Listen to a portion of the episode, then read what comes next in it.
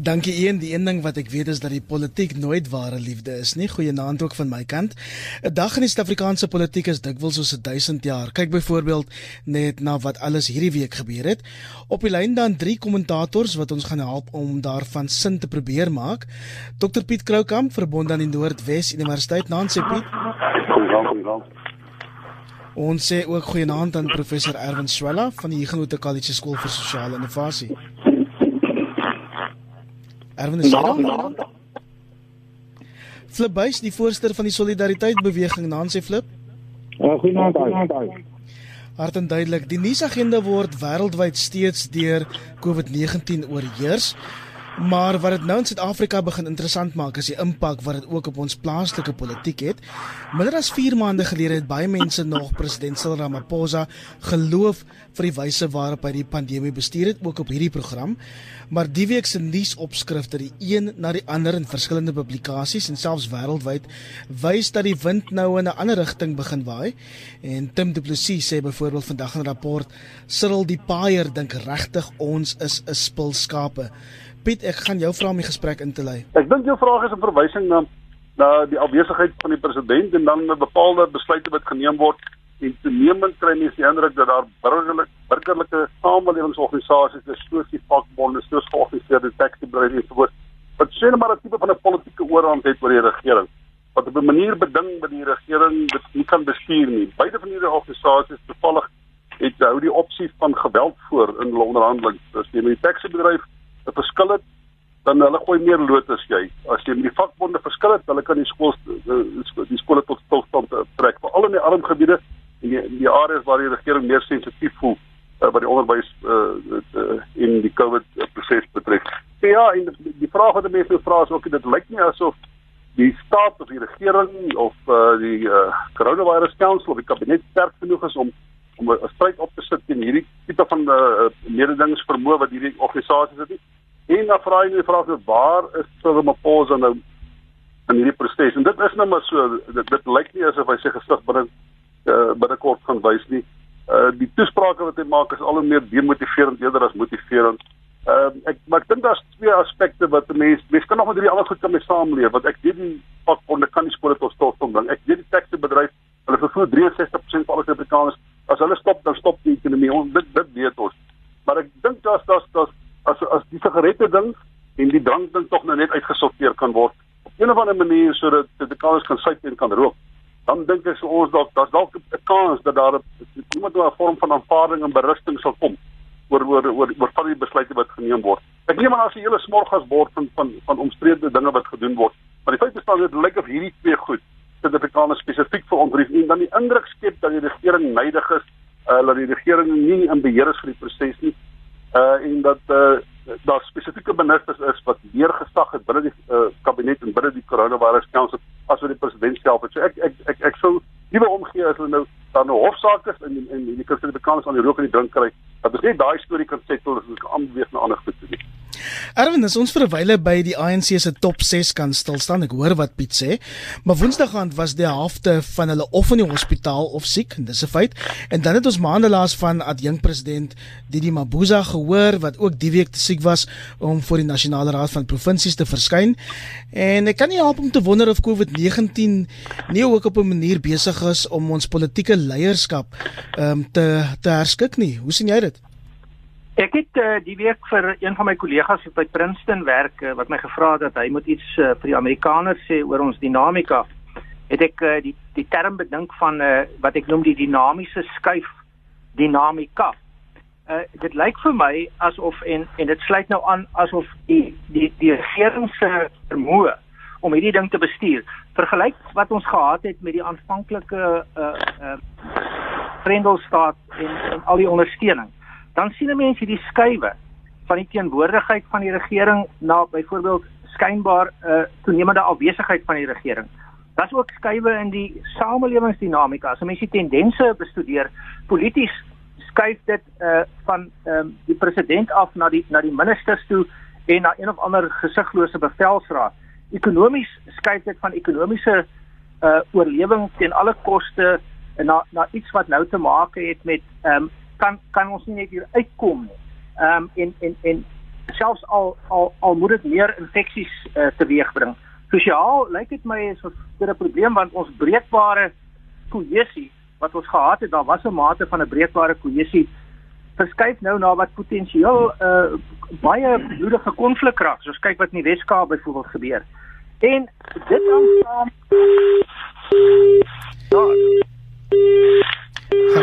Waar jy my nou? Ja, want jy's daar kom ons ek is nie seker. Klip is jy daar? Nou nou nou nou as ons hier kyk, dit dit moet nou ook beoordeel agtergrond van 'n verskuiving van daar sou neem die idee dat skaarsheid nie wat meer meer dinge perspektiewe hierdie musiek stel en uiteindelik het ons dit wat wat nou mense sien dat soorte van die soek op die push maar geweldig en gewaardig meeding om 'n stukkie van die oorblywende verdwynende koek te kry.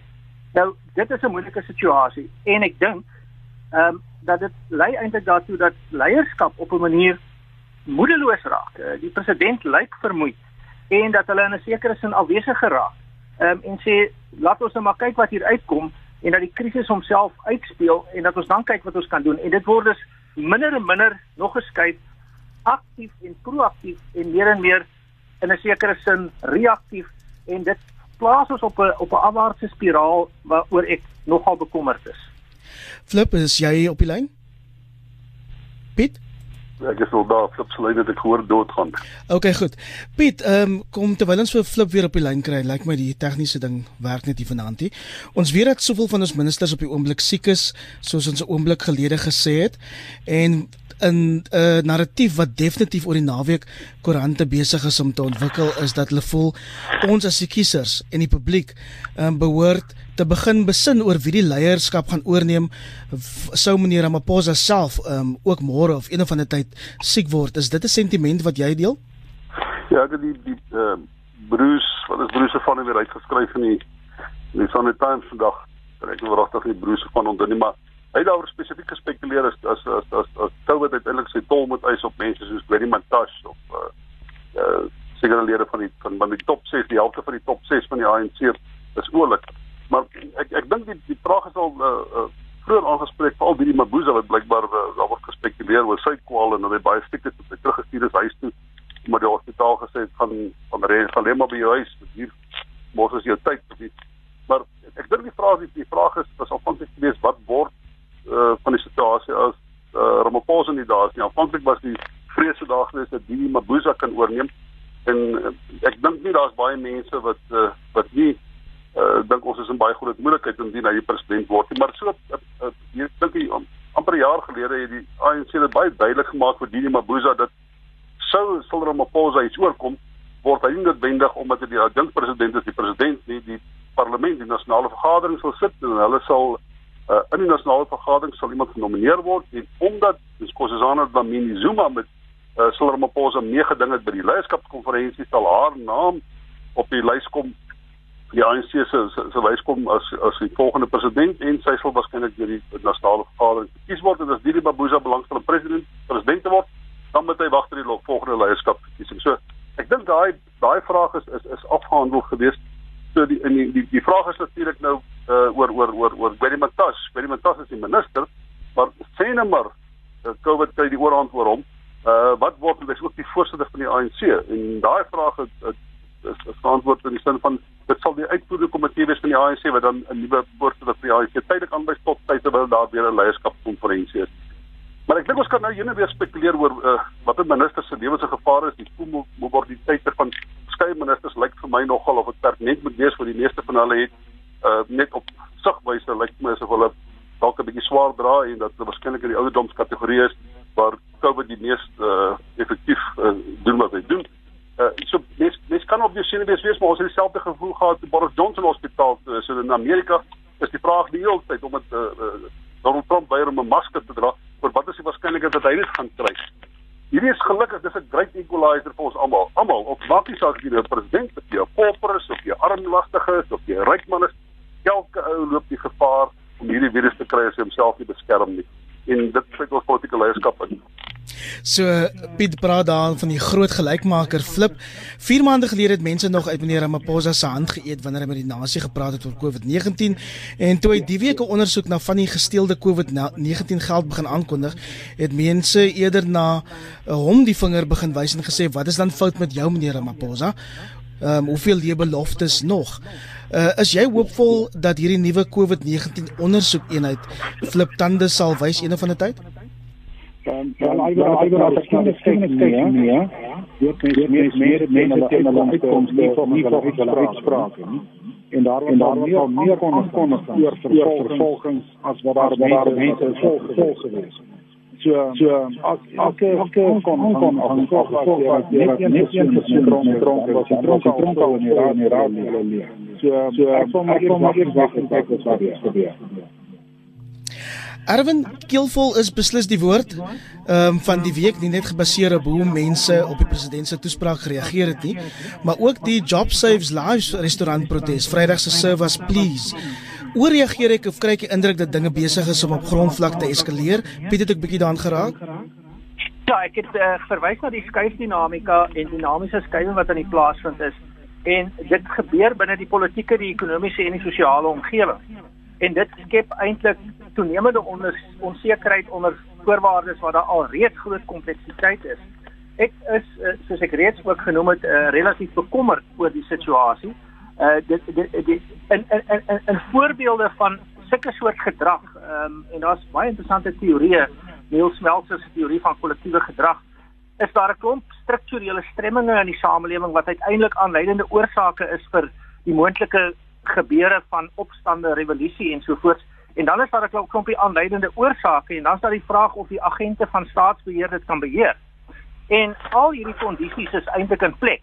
As jy na daai teorie gaan kyk dat ons kan verwag dat onder hierdie omstandighede en soos ek reeds gesê het waar daar ook nog persepsies is van toenemende skaarste, dit wil sê mense sê daar is net nie meer genoeg ehm um, vir ons almal nie en ons ding dis meer en ons ding al hoe meer uh, gewelddadig meer vir die beperkte hulpbronne is dit sodat hierdie goed uh, eskaleer, dan het jy nie nodig dat daar onlogiese denke is in die beleidsbepaling en oninkonsekwente toepassing van die beleidsbepaling. Kom ons kyk nou na hierdie restaurant voorbeeld. 'n Hele aantal mense ook in Kaapstad uh, sit hulle tafeltjies buite neer en en en sit nie eers by die tafeltjies nie.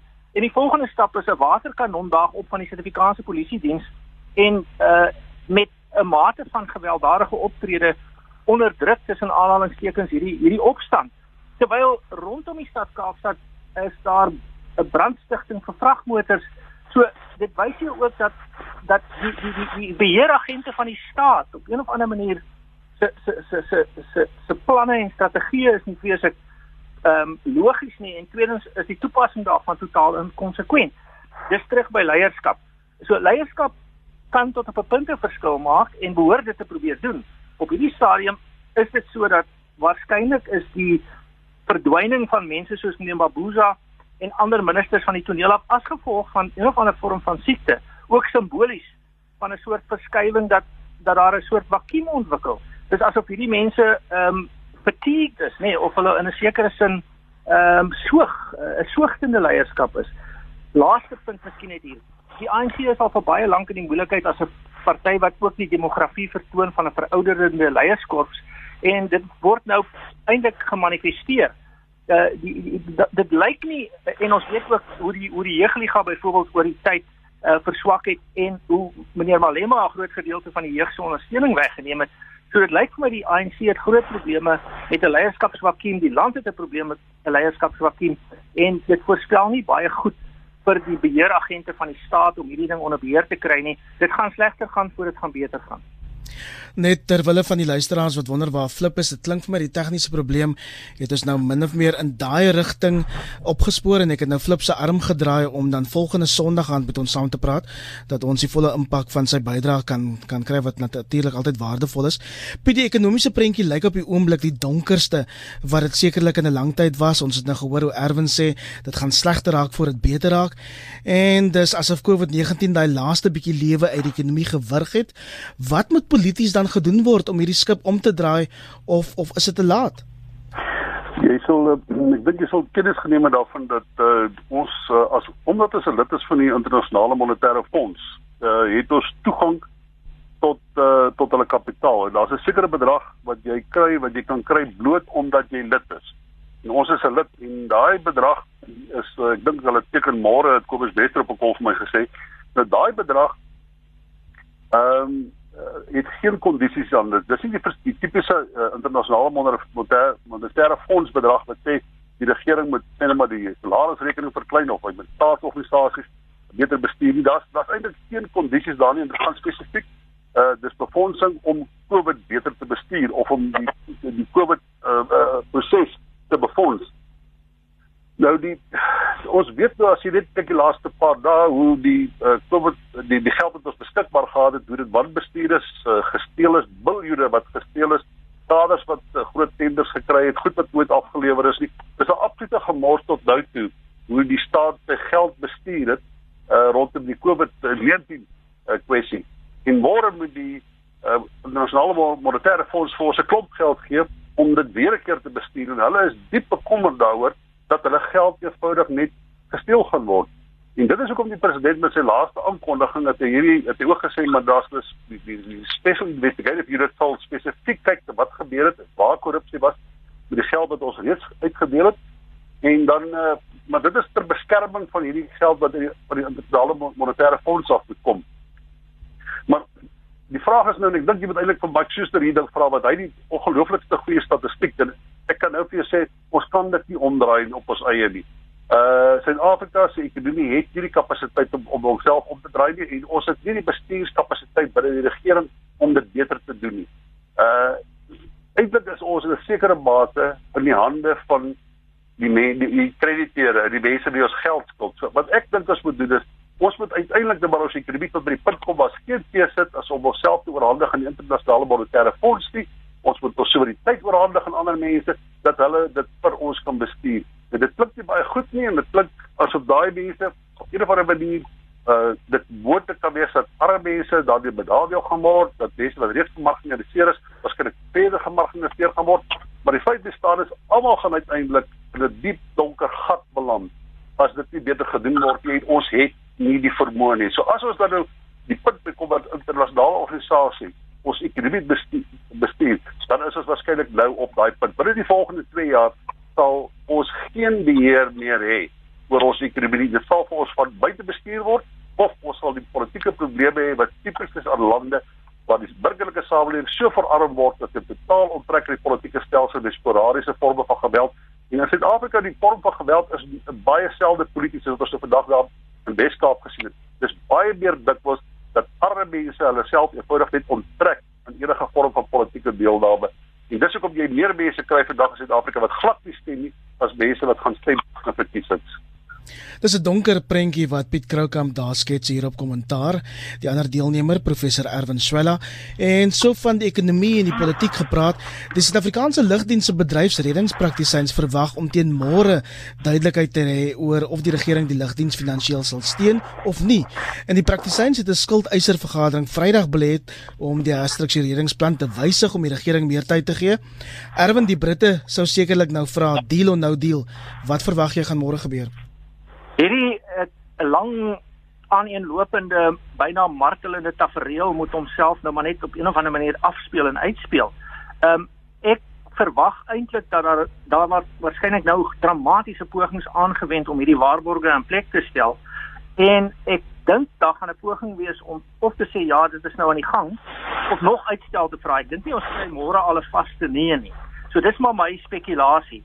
Wat ons wel hier sien is maar net nog 'n aanduiding van ondeurdagte, onlogiese besluitneming wat gekoppel word met onkonsekwente implementering of inkonsekwente implementering. En eh, eh, as 'n mens net dink ehm um, dat die ontwikkelingsbank het nog uh, ongeveer 6 maande gelede 'n paar miljard miljard rand aan die aan die lugdiens spandeer. Ehm um, wat ons ook kan bereken of behoort te bereken is die is die rampspoedige uitkringende effek van indien dit nie deurgaan nie in terme van dat daar dan 'n likwidasie plaasvind en dat al die banke wat ook boonbehalwe die regering 'n groot klomp geld op een of ander manier geleen het aan die SAL of op een of ander manier uh in 'n sekere sin kredietwaarborge gegee het as al daai geld uit die ekonomiese vergelyking verdwyn dan dink ek um, en ek het vroeër gesê ons ek glo nie noodwendig vir Piet nie maar ek ek moet sê dan word dit miskien tyd dat ons sê dat ons het net nie die bevoegde sal ons sê tegnokrate en politieke leierskap om hierdie ding op ons eie te bestuur nie. En dan moet ons waarskynlik maar sê dat um, ons gaan hierdie lenings moet aangaan. Aanvanklik die IMF e se lening het dis nie soveel voorwaardes aan verbonde nie, maar as dit slegter gaan, sal ons die tweede orde eh, reëlings moet opneem. En die implikasie is is dan gaan ons voorwaardes kry en in 'n sekere sin gaan ons ons soewereiniteit verloor. Die vraag is net as al hierdie uh, situasies, die hele situasie saamwerk om uiteindelik 'n nog erger kritieke situasie te skep, is dit of die of die ANC kan ontkom van hulle ideologiese denkraamwerk waaraan hulle vasgevang sit. Dit lyk of daar 'n kombinasie is van 'n soort van 'n eie wysheid gekoppel aan 'n ideologiese blindheid en hulle die SAL het om dit nou ook weer in perspektief te stel. Ons het 'n groot geveg gehad oor die 1 miljard wat na die taksies toe moes gaan. Nou, uiteindelik ry honderde duisende mense in taksies en dit moes ons toegee aan politieke druk vir 100% uh, passasiers uh um um vulling van die taksies. Maar ons het 'n lugdiens wat op die grond staan en hulle wil nou 10 miljard daaraan spandeer. Vir my gevoel weer eens inkonsekwente toepassing. Mag nou nie saak of dit politieke afdreiging is of nie, maar in terme van groot voordeel aan die grootste gemeene dele van mense, moet ons miskien die 10 miljard gespandeer het op die taksies en die 1 miljard nie gespandeer het op die lugdiens nie hmm. en die lugdiens dan maar gelaat het waar waar hy is. Maar nou weer eens die effek is ook groot. Dit dit dra net by al hierdie stroompies tot hierdie toenemende skaarsheid en hierdie toenemende verskywing van van moedigheid en en dapperheid na moedeloosheid. Piet, daar is soveel ander dinge wat ook afhang van die volgende skuif wat môre oor SAL gemaak word, waaronder sekerlik die integriteit van beide Pravin Gordhan en Tito Mboweni. Hoe sien jy dit? Tito Mboweni het een van twee keuses. As hy die kapitaal beskikbaar maak, dan moet hy hy moet 'n wet deur die parlement kry om dit te kan doen. Want 'n begroting is 'n wet. Begroting is nie 'n besluit wat 'n minister afkondig en na herverdeel in die geld nie. Hy lê 'n bepaalde wet aan die parlement voor. So as hy wil geld spandeer op SAL, dan moet hy na die parlement toe gaan en sê ek wil geld spandeer op SAL. Maar hy kan natuurlik waarborge teken uh waarvoor hy waarskynlik nie op parlement toe gaan nie en dan uh, kan die geld beskikbaar gemaak word. Maar selfs die geld wat hulle nou skuld uiteindelik het die regering waarborge voor geteken so die, die banke moet hulle geld terugkry en hulle gaan dit uit die, uit die staatskas uittrek. Maar ek net om so 'n bietjie konteks te gee van julle sal onthou toe ons vir Trevor Manuel gehad het vir 'n minister van finansies het ons 'n uh, surplus begroting gehad, ons uh, skuld van uh, GDP wie die GDP was hier rond 25% geweest en op 'n stadium met Pravin Gordhan minister van finansies geword. En in sy tyd het daardie tekort op die begroting eksponensieel in die toekoms ingeskiet tot waar ons nou is. Hy is nie alleen verantwoordelik daarvoor nie, maar Pravin is 'n man wat geld spandeer, die staat se geld spandeer. Hy glo in 'n tipe van staat 'n high spending state. Hy glo dan dat die staat homself die ekonomie kan aan die brand spandeer as dit ware. In die SAL projek moet wie andersins assosieer jy die SAL projek vandag net met Pravin Gordhan. Hy weier om daai ding te laat sink. En dit is binne in die konteks van sy ideologiese veronderstellings dat die staat kan homself uit op die ekonomie uit die moeilikheid uitspandeer. En ongelukkig, so goed is en so is weet soveel prys wat hy verdien vir baie ander dinge wat hy sy lewe al gedoen het binne in die konteks van politiek. Is hierdie is dit sy nalatenskap. Hy het ons gespandeer tot by die punt ons geld op is en dit selfs wanneer die krisis op sy mees ekstreem is, wanneer dit glad nie kan bekostig nie, reg in die middel van COVID, hou hy by sy ideologiese lyn dat die staat kan staatsondernemers kan 'n uh, uh, uh, uh, uh, rol speel in in in ekonomiese groei en dat die staat kan die ekonomie uit uh, uit uit uit, uit die moontlikheid uitspandeer. Jy kan dit nie doen nie. Kollegas, kom ons kyk ter wille van die tyd die gesprek effens vorig vorentoe na 'n ander groot brandpunt op die oomblik. Natuurlik COVID-19 se impak op ons skole. Die president het nou skole vanaf môre tot min of meer einde Augustus gesluit. Ek sien die Menseregte Kommissie sowel as die DA dreig met hofaksie. Erwin, nog 'n geval van die regering wat die knie gebuig het voor die vakbonde soos hulle vroeër gedoen het met die taxi-bedryf of hoe? Dit is natuurlik en 'n mens moet ook uh, daarvoor waardering hê. Dis geweldige komplekse besluitnemingssituasies hierdie waarin uh, daar sterk belange verskille en selfs belange konflikte is. En ons weet dat jy dan op een of ander manier by die besluitneming moet jy eerstens besluit om besluite te neem en dit neem en afhandel en tweedens moet jy daai besluite so ver as moontlik baseer op die feitelike situasie. Nou in hierdie soort gevalle is die feite ehm um, ek het ek het nou nie daaroor gedink eh uh, weet ons het altyd die gesegde uh, all people are equal but not not all people are uh um die die die die die, die gesegde um is uh, but some people are more equal than others. Nou nou dit lyk my sommige teorieë en sommige teoretici, sommige idees, alle idees is gelyk, maar alle idees is so gelyk dat nou nou nou moet ek dit mooi formuleer. Alle idees is gelyk, maar sommige idees is meer gelyk as ander. Wat ons hier wel sien is is dat as daar druk opbou, uh, dan word die wetenskaplike mening, die die getuienis uit die wetenskap uit, dit was is dit al reeds verdeel, maar dan word die keuse konsekwent gemaak in die rigting van politieke dienstigheid. En dit hang saam met uh, natuurlik 'n soort benadering wat sê daar's verkiesings op hande, ons wil ons gewildheid behou by belangrike belangegroepe, maar dit hang ook saam met 'n baie sterk ideologiese ingesteldheid. En soos Piet nou net gesê het, as jy iemand het soos meneer Pravin Gordhan daar's nog 'n voorbeeld van 'n skuif van hero na zero. Ehm um, en dit lyk my daar's baie. Ehm um, maar meneer Pravin Gordhan en 'n paar van sy kollegas het 'n sterk siening oor ideologiese siening oor staatsspandering uh die die die, die staat se rol in die ekonomie en uiteindelik dat jy jouself in die moeilikheid uit kan spandeer en dit het ook 'n sterk sosialistiese komponent. Nou sosialisme soos kapitalisme is alsoos en hulle is nie een perfek nie.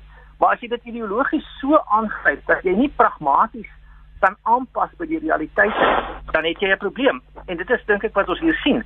Dit dit, dit lyk asof die magsoorweging terme die ideologie en dan gekoppel daaraan in terme van die moontlikheid dat dit op een of ander manier 'n bepaalde voordeel by die stembus kan hê die voorkeur kry.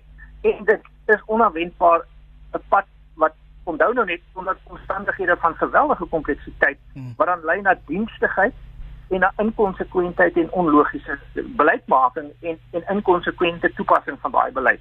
Ehm um, of daar 'n maklike antwoord is, die vraag wat 'n mens kan kan vra is ehm um, iemand het dit nou al so geformuleer, as die president gesê die skole gaan nie sluit nie, dan sou daar 'n groot groep mense gewees het wat gesê het, maar hulle moes eintlik gesluit het.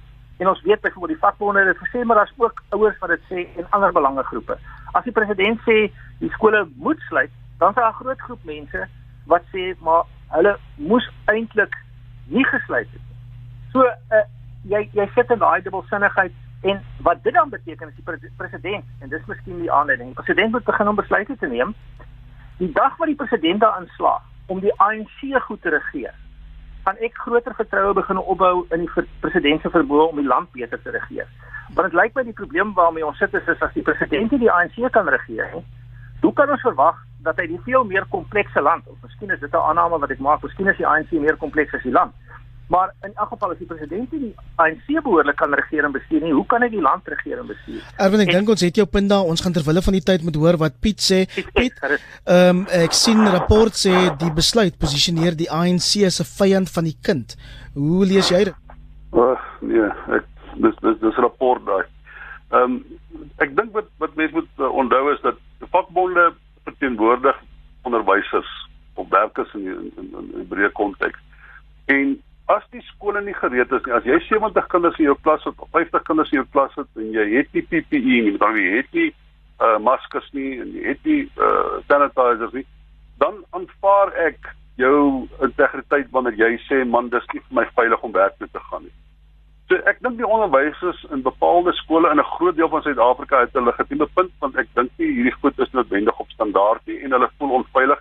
En as jy onveilig voel, dan dink ek is dit maak dit sin om te sê maar ek eh, ek wil die punt maak dat ek nie kan gaan werk nie tot tyd en wyl die omstandighede geskep is waaronder ek veilig voel. So ek het nie so 'n probleem dat die vakbonde hulle punt maak nie. Dis wat hulle doen. Hulle verteenwoordig werkers, hulle verteenwoordig onderwysers en die onderwysers dink ek maak daai punt dat uh, die regering het nie aan hulle die nodige uh omstandighede geskep of vir die omstandighede geskep waaronder hulle veilig kan voel. En dan sal ek ook my werk wil onttrek aan aan jy uh, op dieselfde wyse wat vakbonde doen. Dit gaan nie oor of die skole veilig is om te funksioneer en is nie noodwendig so nie. En stel jouself voor die die president het gesê nee goed, die skole ehm um, uh met dit aangaan of hy 'n sterk leierskap geneem en die onderwysers daag nie op vir skool nie, dan gaan ek vir jou sê dat dit weer die armste van die arm kinders in Suid-Afrika wat nie van onderwysers het vir die klasie terwyl die ryk kinders van onderwysers vir die klasie. En dit is ook nie 'n houdbare situasie gewees nie. Ek ek dink die regering was in 'n baie moeilike posisie. Ek dink wat hulle een ding wat hulle anders moes gedoen het. En dit is hulle het nou met die vakbonde onderhandel oor hierdie die skoolsluiting uh en hulle het 'n kompromis aangegaan. Maar die vakbond het eintlik gesê maar ons moet die skole toemaak tot tyd terwyl almal veilig is en ek kan nou vir jou sê die virus gaan nie weggaan nie oor 4 weke. Gaan KwaZulu-Natal op pad wees na sy piek toe. Uh Gauteng gaan nog nie naaste by sy draaipunt bereik het nie en ons is onseker oor wat in die Weskaap aangaan. So niks gaan in die volgende 4 weke eintlik verander nie. Maar die regering moes gedoen het hulle maar nou met die vakbonde onderhandel het gesê kom ons praat nou oor die volgende 6 maande van sekondêre onderwys. Dit sluit in die eindeksamen. Want as ek dit reg verstaan, gaan die eindeksamen nie plaasvind omdat die meeste arm kinders in Suid-Afrika, wat waarskynlik 70% van alle kinders is, het nie die syllabus behoorlik klaar gemaak. Dit is nie vir hulle moontlik nie. Die omstandighede laat hulle nie toe om die eindeksamen te skryf nie. So jy gaan nou kry dat en ek hoor Jan Jan die Berg vroeg vanaand my gesê nee, daar is al klaar konsensus dat die eksamen moet skryf van Desember af na volgende jaar Januarie toe. Maar wat gaan verander tussen Desember en Januarie dat die eksamen wel geskryf gaan word wat al hierdie kinders die vermoë gaan hê om regverdiglik deel te neem aan so 'n eksamen. So daar is 'n kans dat daar glad nie vir jare matriek eksamens gaan wees nie. So as ek die regering was en Annie Motshek gewas, dan het ek gesê kom ons praat oor hoe gaan ons onderwys struktureer vir die volgende 6 maande. Nou lyk dit of hulle op 'n ad hoc basis besluit te neem en asof uh, hulle nou net oor die vakansie gepraat en ons gaan baie onsekerhede hê oor wat gaan plaas daar is September eksamen wat geskryf word, as dit Desember eksamen wat geskryf word. Uh wat word van daai eksamens gegee die feit dat die kinders nou weer nie terug is in skool nie. Meer vrae as antwoorde dus. Kollegas ek ek het ryk van die kerk se arm gedra om nog so 2-3 minute op die meeste te kry. Kom ons praat oor die dood van die struggle veteraan Andrew Langeni, wie se staatsbegrafnis dan Woensdag is. Erwin in 'n minuut. Hoe gaan jy hom onthou? Um, en verteenwoordig sy dood soos baie um, kommentators sê vir jou ook die einde van 'n era vir die ANC?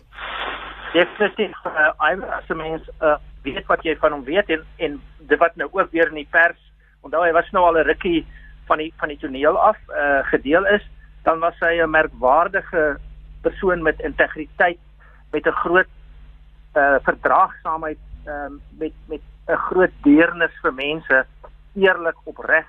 Dis 'n soort die soort leierskap waarvan daar vele binne die ANC oor die jare was. En uh, dit wil vir ons almal voorkom of daar dalk minder van die soort leierskap is maar hy was 'n uh, uh, ikoon en en 'n held.